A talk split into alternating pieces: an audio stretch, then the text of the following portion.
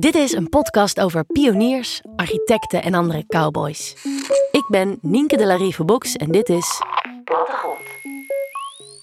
In seizoen 3 maken we verhalen over jong erfgoed. Als ik aan een rijksmonument denk, dan denk ik aan historische gebouwen. eh, De Ridderzaal in Den Haag, een statig grachtenpand in Amsterdam of de Nieuwe Kerk in Delft. Het wordt moeilijker om na te denken over gebouwen als cultureel erfgoed wanneer ze pas 50 jaar oud zijn. In januari 2023 stelde CDA-kamerlid Werner kamervragen over een generatie gebouwen die ook bekend staat als Post 65. Veel van de gebouwen uit die periode, 1965 tot 1990, worden bedreigd met sloop en verval. Moesten we daar niet iets aan doen? Twee weken later kreeg ze antwoord. Ja, schreef staatssecretaris Oesloe, waarmee ze de RCE, de Rijksdienst voor het Cultureel Erfgoed, ook direct een opdracht gaf. Ga heen en bescherm. Post 65 gebouwen zijn alleen lang niet altijd geliefd. Is dat terecht? Of zijn ze onbegrepen? En welke objecten en verhalen willen we eigenlijk bewaren voor de toekomst? Daar gaat dit seizoen over. En daarom zit naast mij Anita Blom. Anita is dé Post 65-expert van Nederland. Anita, welkom. Ehm, wil je jezelf misschien even introduceren? Dankjewel, Nienke. Ik werk als eh, specialist bij de Rijksdienst voor het Cultureel Erfgoed. Ik ben specialist op het gebied van naoorlogs erfgoed. En dan ook in het bijzonder de laatste jaren met, voor Post 65. Anita, wij spreken elkaar straks weer na het verhaal waar we nu naar gaan luisteren. in een nieuw onderdeel in onze podcast, het nagesprek. Maar dat is dus allemaal straks. Ik ben heel benieuwd. Spannend. We trappen seizoen 3 af met een goed voorbeeld van de discussie rondom jong erfgoed. Mariette Heres maakte een verhaal over het stadhuis van Terneuzen. Moet je van een gebouw houden om het te behouden? Dit is Plattegrond aflevering 17. Bruut bemind. Op een stralende dag in januari bezoek ik Terneuzen. Op een groot, kaal, winderig plein, pal voor het stadhuis, spreek ik wat Terneuzenaren aan die voorbij lopen. Wat vinden ze van hun stadhuis? Ik vind het niet mooi, Nee, waarom vindt u het niet mooi? omdat het heel grijs is en eh, heel somber. En als het regent zie je allemaal van die rare natte plekken. Nou, ik vind het een beetje eh, grauw van kleur, laat ik het zo zeggen. Het model is wel goed en dat is ook wel om reden gekozen dat het hierbij past. Maar de kleur is gewoon één grauwe dingen. En ik kijk er ook op. Het stadhuis van Terneuzen is een imposant betonnen, blokvormig gebouw. Het is 33 meter hoog en heeft de oppervlakte van ongeveer een voetbalveld. Het gebouw is ontworpen door architect Jaap Bakema. Nee, dat vind ik niet mooi. Het straalt eh, communisme uit. Ik hou van eh, klassiek, ouderwets, eh, mooie oude, oude gebouwen, daar hou ik van. Of ik het mooi vind. Het gebouw op zich. Eh, vind ik heel mooi. Alleen, het zou wet moeten zijn. Oh ja? Ja. Helemaal wet. Dat zou ik prachtig vinden. Ja, het is een soort schep, hè, zeggen ze. Maar ik heb er nooit een schep in gezien eigenlijk, hoor, zelf. In 2022 viert Terneuzen de 50ste verjaardag van het stadhuis. Veel Terneuzenaren kunnen zich de komst van het gebouw nog goed herinneren. Zo ook Leen Oele. Mijn eerste herinnering aan, aan dit gebouw, wat 1972, eh, dat gaat terug en dat koppel ik direct aan, aan mijn vader. Eh, ook een, ook een uh, rasechte Terneuzenaar die hier achter het gebouw in de toenmaal oude wijk geboren en getogen is. Dus dat is er al lang niet meer. Leen is net als zijn vader geboren en getogen in Terneuzen. Hij komt als politiek verslaggever van de lokale omroep regelmatig in het stadhuis. Mijn eerste herinnering gaat daar naartoe. En dan hoor je uh, je ouders erover spreken. En uh, de eerste term waar mijn vader mee kwam was uh, bunker. want iemand die de oorlog had meegemaakt. Dan komt een bunker. Dus we krijgen een stadhuis. En dat wordt, er wordt een bunker neergezet. En dat werd in de volksmond ook gewoon de bunker genoemd. Je ging je, je rijbewijs afhalen in de bunker. Niet het stadhuis, in de bunker. En dat is de eerste herinnering die ik eraan heb. Ik heb als twaalf jaar geen enkele mening over, over dit gebouw. Dat weet ik niet. In het loop der jaren weet je dat het er is. Je weet wat het voor moet stellen. Uh, opbouw van een schip, een stuurhut of hoe je het ook bekijkt. Uh, waarvan, die kijkt over de Westerschelde, dat snap ik ook. En uh, ja, dat is het eigenlijk. Die generaties, leven nu niet meer, maar die, die zijn van de jaren twintig. Uh, 20, 30 zo'n beetje. Ik, spreek, ik had in, in die categorie mensen nooit iemand die, uh, uh, die dat echt mooi vond. Beslist niet. Dit stadhuis, de bunker, zou zomaar eens een rijksmonument kunnen worden. Tenminste, als het aan de burgemeester van Terneuzen ligt. Ik heb hem gevraagd me uit te leggen waarom dit gebouw, dat toch veel mensen lelijk vinden, bewaard moet blijven voor de toekomstige generaties. Maar voordat ik hem spreek, krijg ik eerst een rondleiding door het gebouw van bode Kees de Bruin. Hij werkt hier al 24 jaar. We nemen de lift naar de negende verdieping en komen terecht in de burgerzaal. Wat een uitzicht, hè? Ja, Met fantastisch uitzicht over de Schelde. om te zeggen dat dit een secundaire arbeidsvoorwaarde is, wees eerlijk. Kom, zelfs de burgemeester heeft dat nu, zo'n zo'n uitzicht. De bode vertelt over eind jaren 60, begin jaren 70. De tijd waarin het stadhuis gebouwd werd. Moet je je voorstellen dat dat gedeelte dus helemaal niet aanwezig was. Al die, uh, die flatgebouwen aan die kant staan, die waren er allemaal niet. Alleen maar hetgene wat er hier zo achter je staat, die, die bebouwing. En, en dat gedeelte. Dus je begrijpt wel, toen het gebouw helemaal klaar was, ja, was dat nogal wat voor te neuzen. Moet je je voorstellen, moet daar eens kijken. En dan staat, staat er hier zo'n gebouw. Ja, dat is toch enorm? Wees nu eerlijk, Ja. toch? Is het ook niet dan een beetje, ja, om het maar bot te zeggen, misplaatst? Nee, U kijkt, u kijkt Nee, heel verrast over mijn nee, vraag. helemaal niet. Nee, maar ik snap wel, ik begrijp uw vraag wel. Ja, dat, dat valt misschien wel iets voor te zeggen, ja. In het oog van, van die Teneuzenaar, die dachten van, jeetje, Mina, we gaan hem hier nou toch krijgen? Dat, dat is nogal wat. Maar goed, de gemeente Terneuzen dacht, ja, we moeten vooruit gaan. We krijgen niet veel industrie, maar die wil wel op een gepaste wijze ontvangen. Het is toch een soort eh, vooruitgangsdenken eigenlijk. Ja, zonder meer. Absoluut. In de jaren 60 is Terneuzen in ontwikkeling. In deze tijd komt Philips naar de stad en wordt hier de grootste gloeilampenfabriek van Europa geopend. Ook het Amerikaanse Dow Chemical kiest voor Terneuzen als eerste productielocatie in Europa. De bedrijven zorgen voor veel werkgelegenheid. Iedereen is het eens. Terneuzen gaat groeien. En daar hoort een nieuw stadhuis bij. En weet u ook het sentiment van de mensen die dat dan op dat moment eh, zagen verrijzen, zeg maar? Ja, verontwaardiging alom. Hoe kan je zo'n gebouw in Terneuzen zetten? Dat doe je toch niet? Dat, dat, is, dat is in verhouding tot, nogmaals, totgene wij daar zien staan. Arbeiderswoningen. En dan kwam dit. Ja, dat was echt enorm. Zullen we naar binnen gaan? Als het stadhuis begin jaren 70 wordt geopend, zijn de tijden veranderd. besloten dat vanaf 7 januari benzine alleen nog op de pomp te krijgen zal zijn. De industriële groei is gestagneerd. Er is een oliecrisis. Veel mensen zijn diep verontrust. En de verwachte bevolkingsgroei, die is er niet. De energiecrisis waarmee we van doen hebben, is wereldwijd. Met veel mensen hebben dat eens de... de, de- mijn tas en mijn... Ik neem afscheid van Bode de Bruin en ga naar mijn afspraak met burgemeester Erik van Merriëboer. Oké. Moet maar, maar weer eerst naar de burgemeester. Ja, maar ik wil even mijn laptop halen die, die daar ligt. Oh, oké. Waarom hoopt hij dat deze betonnen kolos een rijksmonument zal worden? Het, het bijzonder is voor mij inderdaad dat, het, dat, het pas, eh, dat ik pas bewust ben gaan kijken toen ik eh, inderdaad hier ging solliciteren. Dat was op een hele miserige zaterdag. Ik was met mijn jongste zoon, het was echt slecht weer. En ik draai, ja, dat is voor Terneuzenaren een bekende drama. Je draait hier de Scheldekade op. Eh, en dan kom je boven en het eerste wat ik zag was een gigantisch containerschip op weg naar Antwerpen. En de vaargeul is hier heel dichtbij. Terneuzenaren zeggen, ja, je kunt ze er bijna afpakken. En vervolgens draai je dan je hoofd naar links en daar staat dan dat stadhuis. Dat vond ik een, eh, een, een klein beetje een wauwbelevenis. En tegelijkertijd ook onmiddellijk eh, f- ja, die hele verschillende waardering van dit stadhuis. Het is of foei lelijk, of het is fantastisch. Terneuzen krijgt in 2021 na 18 jaar een nieuwe burgemeester. Een joviale vijftiger die op dat moment gedeputeerde is in Brabant. Dan gaat het snel, want dan wordt die benoeming bekend.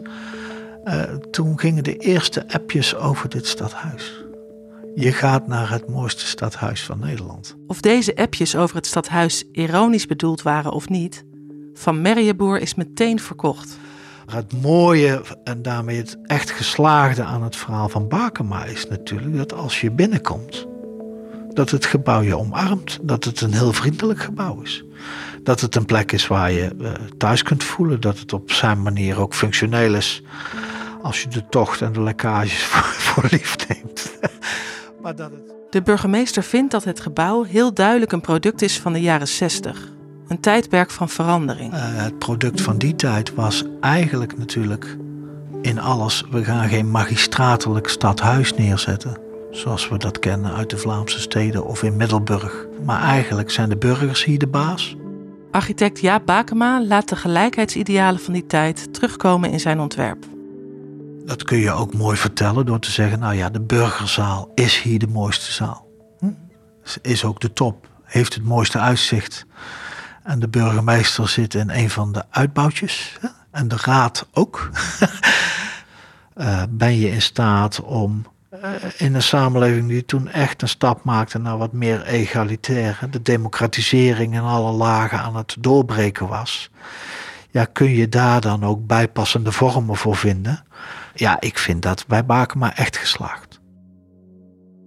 In een tijd waarin het vooruitgangsdenken in Terneuzen geen grenzen lijkt te kennen, vraagt de gemeente het grootste architectenbureau van Nederland, Broek Bakema, een nieuw stadhuis te ontwerpen.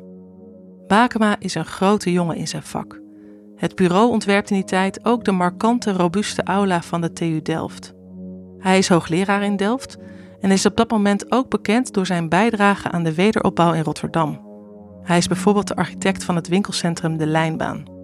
Begin jaren 60 krijgt hij zelfs een korte tv-serie bij de AVRO.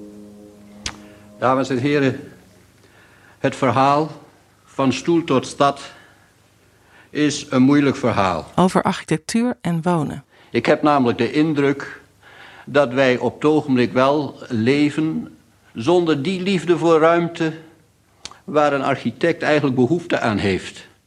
Ja, Bakema ontwerpt voor het nieuwe stadhuis een brutalistisch gebouw, geïnspireerd door de Westerschelde, de scheepvaart en de industrie. Zonder dat we eigenlijk met elkaar die liefde voor de ruimte van Nederland opbrengen waarvan de architect denkt dat het nodig zou zijn om het goed te doen. Het brutalisme is een stroming in de architectuur uit de jaren 50 en 60. Deze gebouwen hebben vaak betonnen, geometrische vormen en zijn groot, massief en imposant. De huidige directeur van Broek Bakema, Aldo Vos, legt uit waar je brutalisme aan kunt herkennen. Het zijn vaak hele sculpturale gebouwen. Uh, en, en het kenmerk van het brutalisme is dat het een heel eerlijk materiaalgebruik uh, kent. Dus de constructie van beton, dat is ook zichtbaar gemaakt. Hè, dat is niet uh, afgewerkt. de betonsteen, het hout, het staal, alles wat, wat, waarmee het gemaakt is, dat is allemaal in het zicht gelaten. En dat is heel kenmerkend voor het brutalisme. Het stadhuis van Bakema is van buiten dus heel imposant. Maar van binnen is het juist heel menselijk. Het is echt een menselijke schaal. Elke functie heeft zijn eigen plek, zijn eigen volume uh, gekregen. En dat maakt het denk ik van binnen een heel fijn gebouw om in te werken. En van buiten een prachtige sculptuur. Toch krijgt brutalisme vaak weinig waardering. Er zijn inmiddels veel brutalistische gebouwen gesloopt. Het Mausoleum in de Jode Breestraat in Amsterdam bijvoorbeeld. Dat stond al snel bekend als het lelijkste gebouw van Nederland. Het werd in 1994 na 20 jaar gesloopt. En vorig jaar werd de brutalistische beurs in Almere nog gesloopt. Misschien komt dit wel door de grauwe uitstraling. Maar er is nog een probleem. We zitten nu in de midden een energiecrisis. En gebouwen uit de jaren 70 en deze zijn natuurlijk wel niet de meest energiezuinige gebouwen van Nederland, hè, om het maar voorzichtig uit te drukken. Ja, dus ik zie wel dat dat een, uh, dat dat een probleem is. Ja. ja. Het stadhuis van Terneuzen krijgt al vanaf de opening in 1972 commentaar op het brutalistische ontwerp. En nog steeds lijkt het niet makkelijk om van brutalistische gebouwen te houden.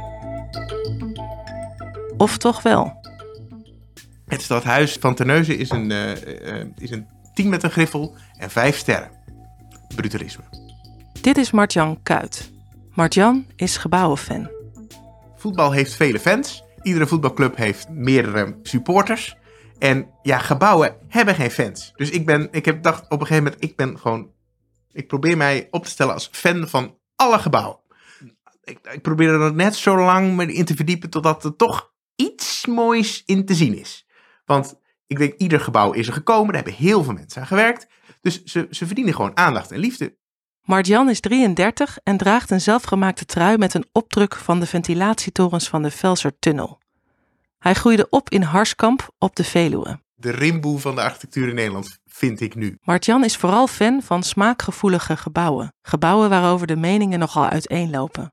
Zijn favoriet staat dan ook in Terneuzen. Dit is een van de mooiste gebouwen van Nederland. Fantastisch. Het is een gebouw zoals er bijna geen één is in Nederland. Het is het, het toppunt van brutalisme in Nederland. Omdat Marjan het stadhuis dolgraag in het echt wilde zien, nam hij in coronatijd zijn gezin mee op vakantie naar Terneuzen. En deze trip stelde hem zeker niet teleur. Ja, dat was een hele zonnige dag. En het uh, gebouw kwam als een soort, ja, stond als een soort berg in de Alpen voor mij, de zon erachter. En nou, hij maakte ook bijna net zoveel indruk op me als een, als een, als een, als een, als een berg in de Alpen. Enorm groot, veel groter dan alle andere gebouwen in, uh, in Terneuzen, inclusief de kerktoren. Maar ik dacht ook, wat een, wat een fantastische blokkendoos. En waarom zijn hier geen andere toeristen? Maar uh, ik uh, had de tijd van mijn leven. Hij is niet alleen groot, hij voelt ook heel groot, omdat het zo'n buitenaards ding is. Het zijn stapels blokken. En ik zeg wel eens, als je toch een gebouw voorstelt als een ruimteschip dat zo weg kan vliegen, dan is het Stadhuis van Terneuzen een absolute topper in dat genre. Want uh, de, de, ja, er komen ambtenaren en, en burgemeesters en wethouders uit. Maar als er ooit nog een keer een, een, een alien in de kelder verstopt blijkt, dan zou me dat niks verbazen. Want zo buitenaards als dit hebben we er toch niet veel gebouwd in Nederland. Om het gebouw te eren laat Martjan een zelfgemaakte foto van het gebouw op een t-shirt drukken. Hij verspreidt dit op sociale media. En toen zeiden mensen ineens: Oh, nou, dat t-shirt wil ik wel hebben. En uh, nou ja, van het een kwam het ander. En nu heb ik een, uh, een kledinglijn met smaakgevoelige architectuur. En het Stadhuis van Terneuzen is een absolute bestseller in dat kleine genre. Martjan zijn liefde voor gebouwen ontstond toen hij als jonge journalist bij Cobouw werkte, het dagblad voor de bouwsector. Daar organiseerde hij de verkiezingen van het lelijkste gebouw van Nederland. Toen heb ik voor het eerst ook een soort, nou misschien afschuw is een beetje, beetje streng gezegd, maar wel gebouwen gezien waarvan ik dacht, oi, oi, oi, oi, oi, moet dit nou zo? Het gebouw dat werd uitgeroepen tot het lelijkste gebouw van Nederland was het gemeentehuis van Hardenberg, ligt in Overijssel. Uh, maar die hebben in hun verder, nou, uh, prima, het dorp een soort Rotterdamse uh, gele, knalgele flat neergezet als stad, stadhuis. Pisgeel volgens sommigen. Dus als je Hardenberg al in komt rijden, dan denk je al, oi, oi, oi, oi, oi, wat, is, wat hebben ze hier gedaan? Wat is hier gebeurd? Ja, dat, dat, dat zal wel de bedoeling zijn geweest, maar ik, kan me, ik dacht toen wel, ik snap wel dat er veel mensen zijn die hier een mening over hebben. Wat zijn nou vaak gebouwen die mensen heel lelijk vinden? Er zijn denk ik best veel mensen die zeggen, na 1945 is er nooit meer iets moois gebouwd in Nederland. Dus misschien is alles wat nog niet echt oud is, wel lelijk. Of sneller lelijk dan dingen die heel oud zijn. Want, nou ja, ga maar bij jezelf na. Ken jij een gebouw van 100 jaar of ouder, waarvan mensen zeggen, nou, nou, nou, nou, nou, dat is wel een lelijk ding? Ik ken ze niet. Maar Jan verdiept zich dan ook juist in die gebouwen die veel mensen lelijk vinden. Want zo leer je ze waarderen. Ik woon tegenover een jaren 60 flat. Altijd als ik naar buiten kijk, kijk ik toch even naar de jaren 60 flat, hoe die er vandaag bij staat. Uh, hangen de zonneschermpjes uit of niet? Uh, is die net geverfd?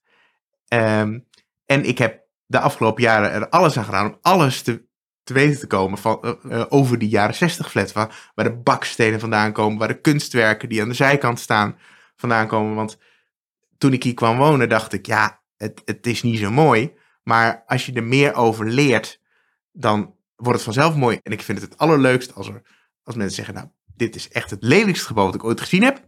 En als ze er wat meer over geleerd hebben, denken, nou, misschien mag het toch wel blijven staan. Dus als ik je goed begrijp, dan ben je het allergelukkigst als je iemand hebt overtuigd van de schoonheid van een lelijk gebouw. Ja, ja, of, ja, of in ieder geval ook een beetje medegebouwen-fan heb gemaakt. Uh, misschien zit daar dan toch een beetje die Veluwse, uh, zendingsdrang in. Maar ik hoop dan toch een paar mensen enthousiast te krijgen voor die post 65 eh, puisten die er ook staan in iedere stad.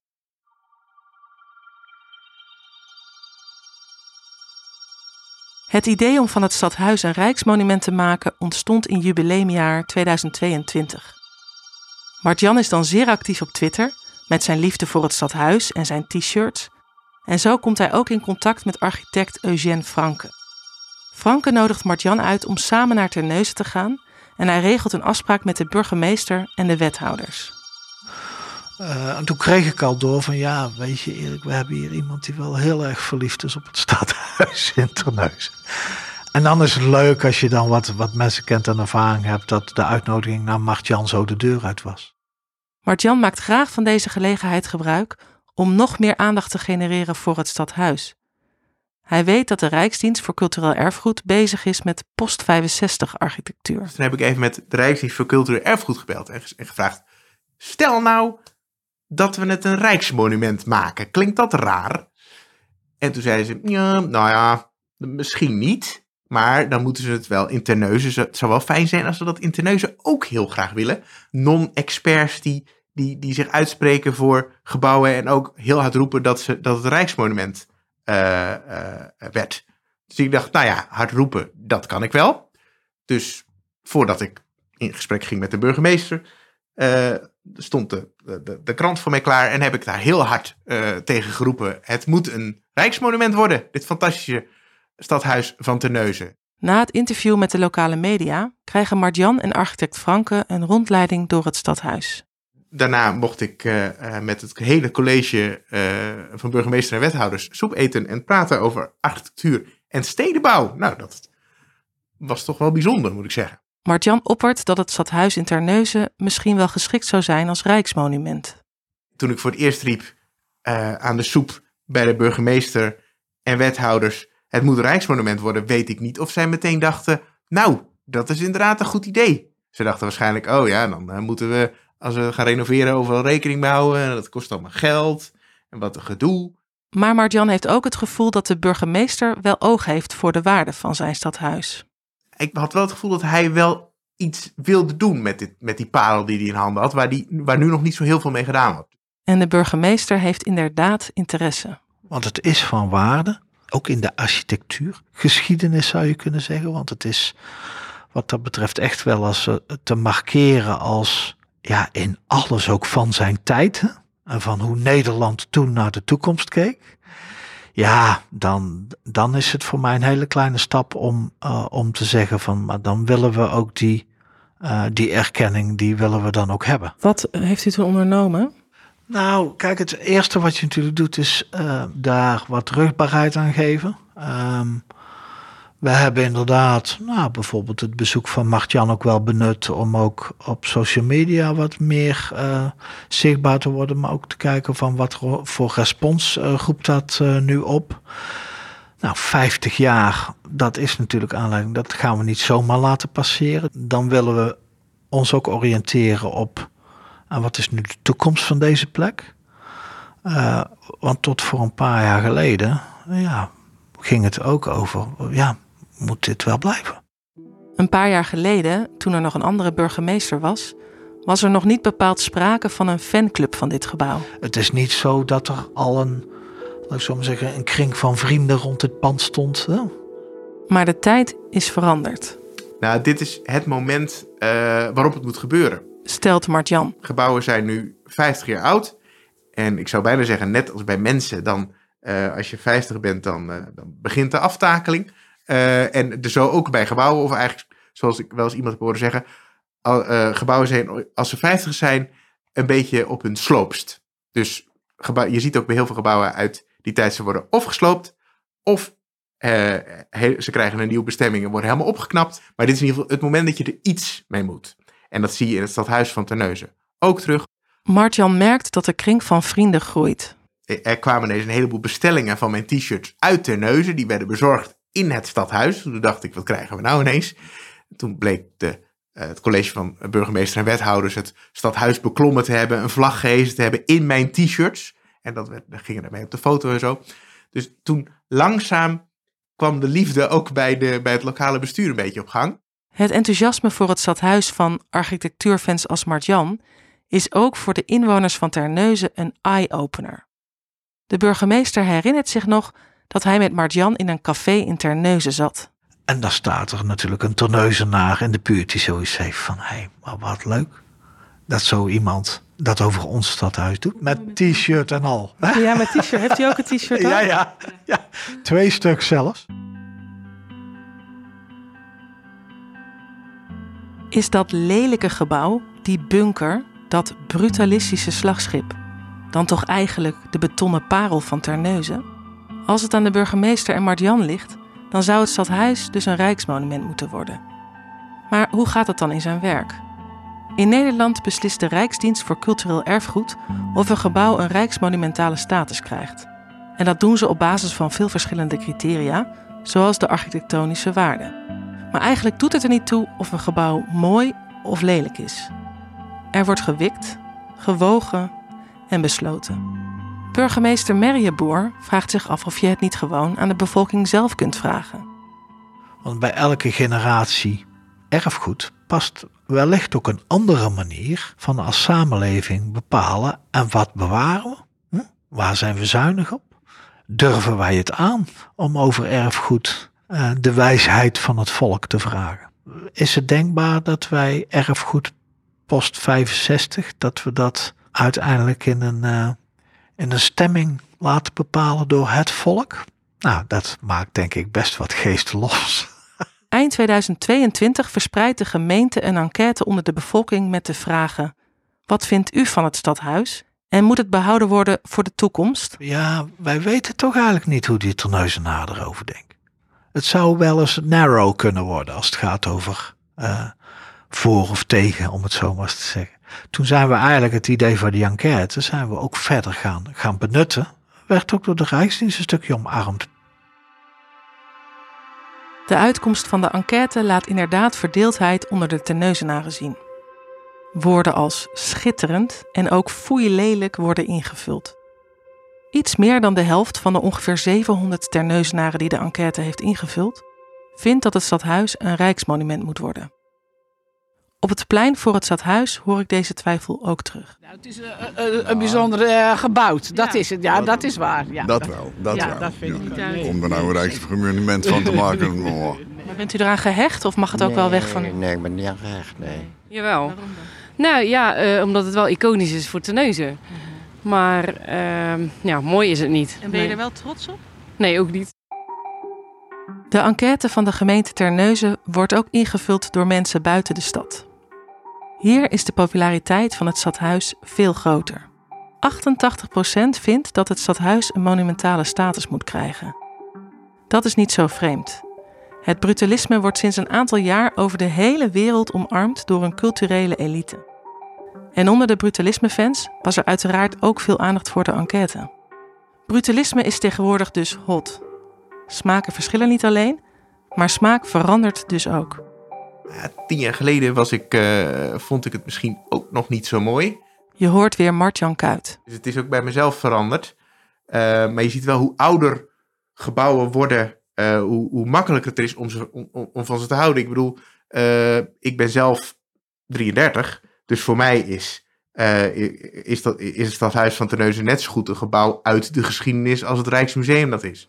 Maar heeft het zijn tijd mee? Is er een, merk je dat er bij meer mensen uh, de herwaardering voor dit gebouw of voor brutalisme? Ja, dat, dat is ook een beetje de bubbel waar ik zelf in zit, denk ik.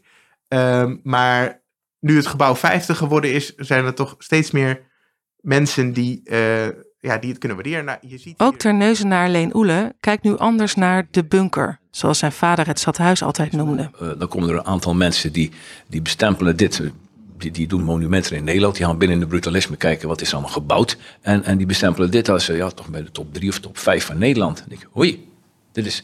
Ik denk als teneus aan denk ik van, oh, het is, het is mooi, blijkbaar. Dus het wordt, het wordt mooi gevonden uh, op een of andere manier. En ineens is er een soort host nu in positivisme ten opzichte van het stadhuis. En ik van, ja, het is wel een gekke kentering. De vraag is eigenlijk, is het een uh, bij, bij een kleine groep nu, die daar heel veel over gaat en de media weten, weten bereiken, die host En is het toch bij die grote groep nog steeds van... Wow. Als het aan Leen ligt, is dit een kans voor Terneuzen die de stad met beide handen moet grijpen. Terneuzen is op zich qua stad uh, lastige. Terneuzen heeft er nou van een werkstad te zijn, heeft heel veel uh, gemeen met bijvoorbeeld, zoals je mensen over Rotterdam praten, een beetje Vlissingen, Rotterdam, dat zijn havensteden. Wij willen graag weer bootjes hebben die door Terneuzen varen, zoals de bootjes ook in Goeslee. Dat kan niet meer, dat is onmogelijk. Als je dan iets hebt wat zo neergezet wordt van kijk, je hebt hier een stadhuis. En als wij binnen deze stroming, die, die vele mensen kennen en appreciëren, daar staat dit in de top 3 of top 5 van de gebouwen in Nederland. Dan moet je dan toch mee aan de slag. Of ik het nou mooi vind of niet, maar dan moet je wel doen. Want dan kun je van de stad in dat opzicht nog, nog iets maken. Wat verdwenen is, krijg je niet meer terug. Dan wordt, dan wordt het heel lastig. Zal het stadhuis van Terneuzen uit 1972 uiteindelijk een rijksmonument worden? Dat besluit is nog niet genomen. Burgemeester Merjeboer stopt er ondertussen veel tijd en energie in. Dan gaat het misschien niet zozeer om uiteindelijk wel of niet die status, maar dat je met elkaar het gesprek voert als samenleving en als nou, allerlei betrokken partijen erin. Hoe gaan we met dat erfgoed post 65 om? Maar u wilt toch ook heel graag het bordje op de deur schroeven? ik kan daar natuurlijk alleen maar ja op zeggen, maar oprecht, het is ook een erkenning vanuit. Uh, vanuit de context van Randstad, die zegt: hé, hey, dat waarderen wij met elkaar ook. Ja, en die gevoeligheid, uh, nogmaals, die, die speelt natuurlijk ook wel in het land. En die speelt ook in Zeeuws-Vlaanderen. En wat zegt u tegen de mensen die dan nog steeds zeggen: wat een lelijk gebouw? Uh, kom binnen. En als je beter kijkt, ja, dan zie je, denk ik, al meer kwaliteit dan je, uh, dan je in een oogopslag zou zien. En hoe zou Marjan reageren als het stadhuis geen rijksmonument wordt? Als daar een goede discussie over is, dan vind ik het geen probleem als het stadhuis van Terneuzen afvalt. Maar ik zou dat tegen iedereen willen zeggen. Kom maar eens met 100 gebouwen uit die periode en bouwwerken die beter zijn dan dit. Ik weet ze, ik ken ze niet. En Leen Oele? Leen is om. Als dit dan dat monument is, houd dat dan, gebruik dat en, en, en doe daar je voordeel mee. Waarom niet? Misschien ben ik wel degene die zegt van nou, ik vond niks en, en nu heeft het iets positiefs. Om in het begin van het verhaal terug te komen. Mijn vader had dat niet en die zou het nog steeds niks vinden. Uh, ik wil er best in meegaan, ik vind het geen probleem. Maar een likje verf zou geen kwaad kunnen.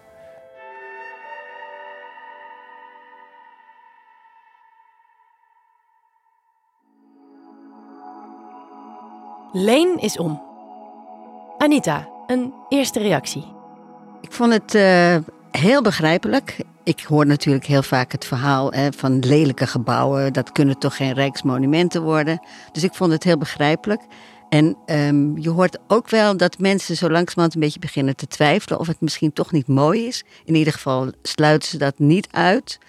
Um, dat ook een lelijk gebouw rijksmonument kan worden. Ik heb mezelf altijd vooral bezig gehouden met het naoorlogs. En ik heb altijd gehoord van dat zijn lelijke gebouwen. Uh, ze denken in het algemeen niet dat naoorlogse gebouwen, en zeker dan niet post 65, ook een rijksmonument kan worden. Het is te dichtbij. Dus de smaak is eigenlijk heel erg tijdsafhankelijk. Als het te dichtbij is en dat ze bij wijze van spreken kunnen zeggen van mijn vader heeft het nog gebouwd of ik heb het nog gebouwd zien worden, dan is er in het algemeen niet de associatie van dat is dan een monument. En lelijk, ja, het heeft ook met het materiaalgebruik te maken natuurlijk. Hè? Dat beton, dat geeft natuurlijk iets heel stoers, maar ook wel een beetje iets afstotends. En dat is natuurlijk waar mensen dan in eerste gevoel op reageren. En pas daarna gaan ze echt kijken naar het gebouw. En dan zien ze ook wel dat het bijzonder karakter heeft. Gaan mensen over 50 of 100 jaar deze gebouwen dan massaal wel mooi vinden? Nou, misschien omdat het dan wel een heel bijzonder gebouw wordt, omdat er dan misschien helemaal niet meer in beton gebouwd wordt. Dus dan zegt men in die tijd, over 50 jaar, van kijk, dat is nou nog een echt betonnen gebouw. En dan wordt het dus een bijzonder gebouw als uiting van dat materiaalgebruik. Ja, en om van een gebouw te houden, moet je het eigenlijk mooi gaan vinden misschien. Of zijn er ook andere manieren om van een gebouw te kunnen houden? Nou, met name zit dat denk ik in het verhaal achter het gebouw. Als je daarvan hebt gehoord, dan zie je vaak dat mensen op een hele andere manier naar het gebouw gaan kijken. En zeker als je inderdaad het verhaal zoals de burgemeester ook vertelde, over dat Terneuzen eigenlijk op wilde gaan in de vaart der volkeren. En dat je dan zo'n stoer gebouw laat neerzetten door een architect uit Rotterdam, de stoere Rotterdamse stad. Als mensen dat zien, dan gaan ze op een andere manier kijken. En dan ontstaat er respect of betekenis van zo'n gebouw. En pas dan, het hoeft, mensen hoeven een gebouw niet mooi te gaan vinden, maar wel dat het karakter heeft of dat het betekenis heeft voor hun eigen verhaal. Misschien toch goed om even te benoemen. Wat, wat is nou eigenlijk erfgoed en waarom is het zo belangrijk dat we het hebben? Dat we erfgoed De bewaren? behouden ook. Ja. Nou ja, erfgoed dat is eigenlijk iets wat zegt over de tijd waarin het is ontstaan. En de tijd waarin het is ontstaan, dat zie je vaak terug in de stijl van een gebouw, in de materiaalvorming van een gebouw, maar ook bijvoorbeeld hoe een stad is ingericht. En wat wij als Rijksdienst natuurlijk willen, is dat de geschiedenis van Nederland, of de geschiedenis van een stad of dorp, afleesbaar blijft, ook voor toekomstige generaties. En daarom willen we bepaalde aspecten, bepaalde gebouwen of bepaalde inrichting van een openbaar gebied, vinden het belangrijk om dat te behouden voor de toekomst. We doen het niet voor onszelf, maar we doen het voor de volgende generatie. En daarom willen we er ook zorg voor dragen, door middel van bijvoorbeeld subsidies, dat het in stand gehouden kan worden. In deze aflevering komt ook wel naar voren om burgers mee te laten beslissen of mee te laten kiezen wat erfgoed wordt. Is dat een goed idee? Ehm, burgers, leken, hebben zich de laatste jaren steeds meer uitgesproken. Of ze iets van belang achten als gebouw en of ze het in stand wilden houden of dat ze het wilden laten aanwijzen als monument. Dus burgers praten al veel meer mee. En ik denk dat het bij monumenten ook goed is om de mening van de burger mee te nemen bij je eventuele selectie van een gebouw als monument of als rijksmonument. Ja, maar dan lijkt me bijvoorbeeld het stadhuis in Terneuzen een heel goed voorbeeld dat eigenlijk de bewoners het helemaal niet zo'n mooi gebouw vinden. Tot bijna, je zou je zeggen, iemand van buitenaf zegt dit is prachtig en dan oké, dan gaan ze het misschien iets meer waarderen. Ehm, maar puur afgaan op uiterlijk, dat is niet helemaal alleen het goede uitgangspunt waar we het eigenlijk net over hadden. Dus eh, loop je dan niet het gevaar voor een soort willekeur en inderdaad dat het te smaakafhankelijk wordt?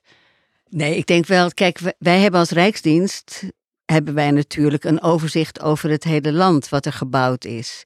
Dus er zal altijd een selectie ook op deskundig niveau plaatsvinden. Maar het spreekt natuurlijk altijd wel voor een gebouw zelf als het ook door de burgers gewaardeerd wordt. Of als er in ieder geval discussie over ontstaat. zo- Zoals nu in Terneuzen bij het stadhuis. Want de enquête waar ook sprake van was in het, eh, in het verhaal van de burgemeester. ehm, dat laat ook wel zien dat die. eh, het was nu in ieder geval meer dan 50% van de burgers die toch wel vinden dat het een rijksmonument zou moeten worden. En ik weet eh, dat de burgers een aantal jaar geleden het gebouw liever eh, gesloopt zagen worden.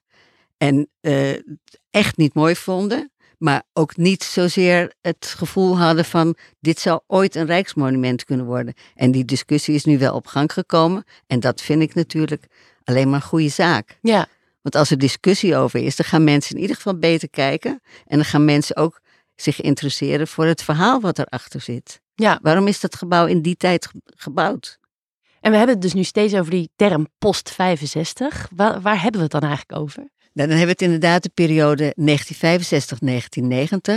Het was een periode van verandering en het was een periode van bezinning. Milieu kwam op, denken over milieu. Dus het was een hele roerige periode eigenlijk. En het is goed om dat natuurlijk weer terug te zien in de gebouwen en de inrichting van Nederland. Maar het is in ieder geval niet een tijdsperiode die visueel heel aantrekkelijk wordt gezien. Het is een beetje een ruwe diamant om van te houden. Het is nog een beetje iets waar we iets beter naar leren moeten kijken. Ja. Dankjewel Anita voor, eh, voor je toelichting. Heel graag gedaan. Je luisterde naar een verhaal dat gemaakt werd door Mariette Heres. Muziek en montage werden verzorgd door Michiel van Poelgeest. Audiomix door Paul Sven de Haan. Mijn naam is Nienke de la Rive en het nagesprek deed ik samen met Anita Blom. Met dank aan Erik van Merrienboer, Martjan Kuit, Leen Oele, Aldo Vos, Kees de Bruin en Patrick Anema. Seizoen 3 van Plattegrond wordt mede mogelijk gemaakt door de Rijksdienst voor het Cultureel Erfgoed. Plattegrond is een productie van Klank. Thank you.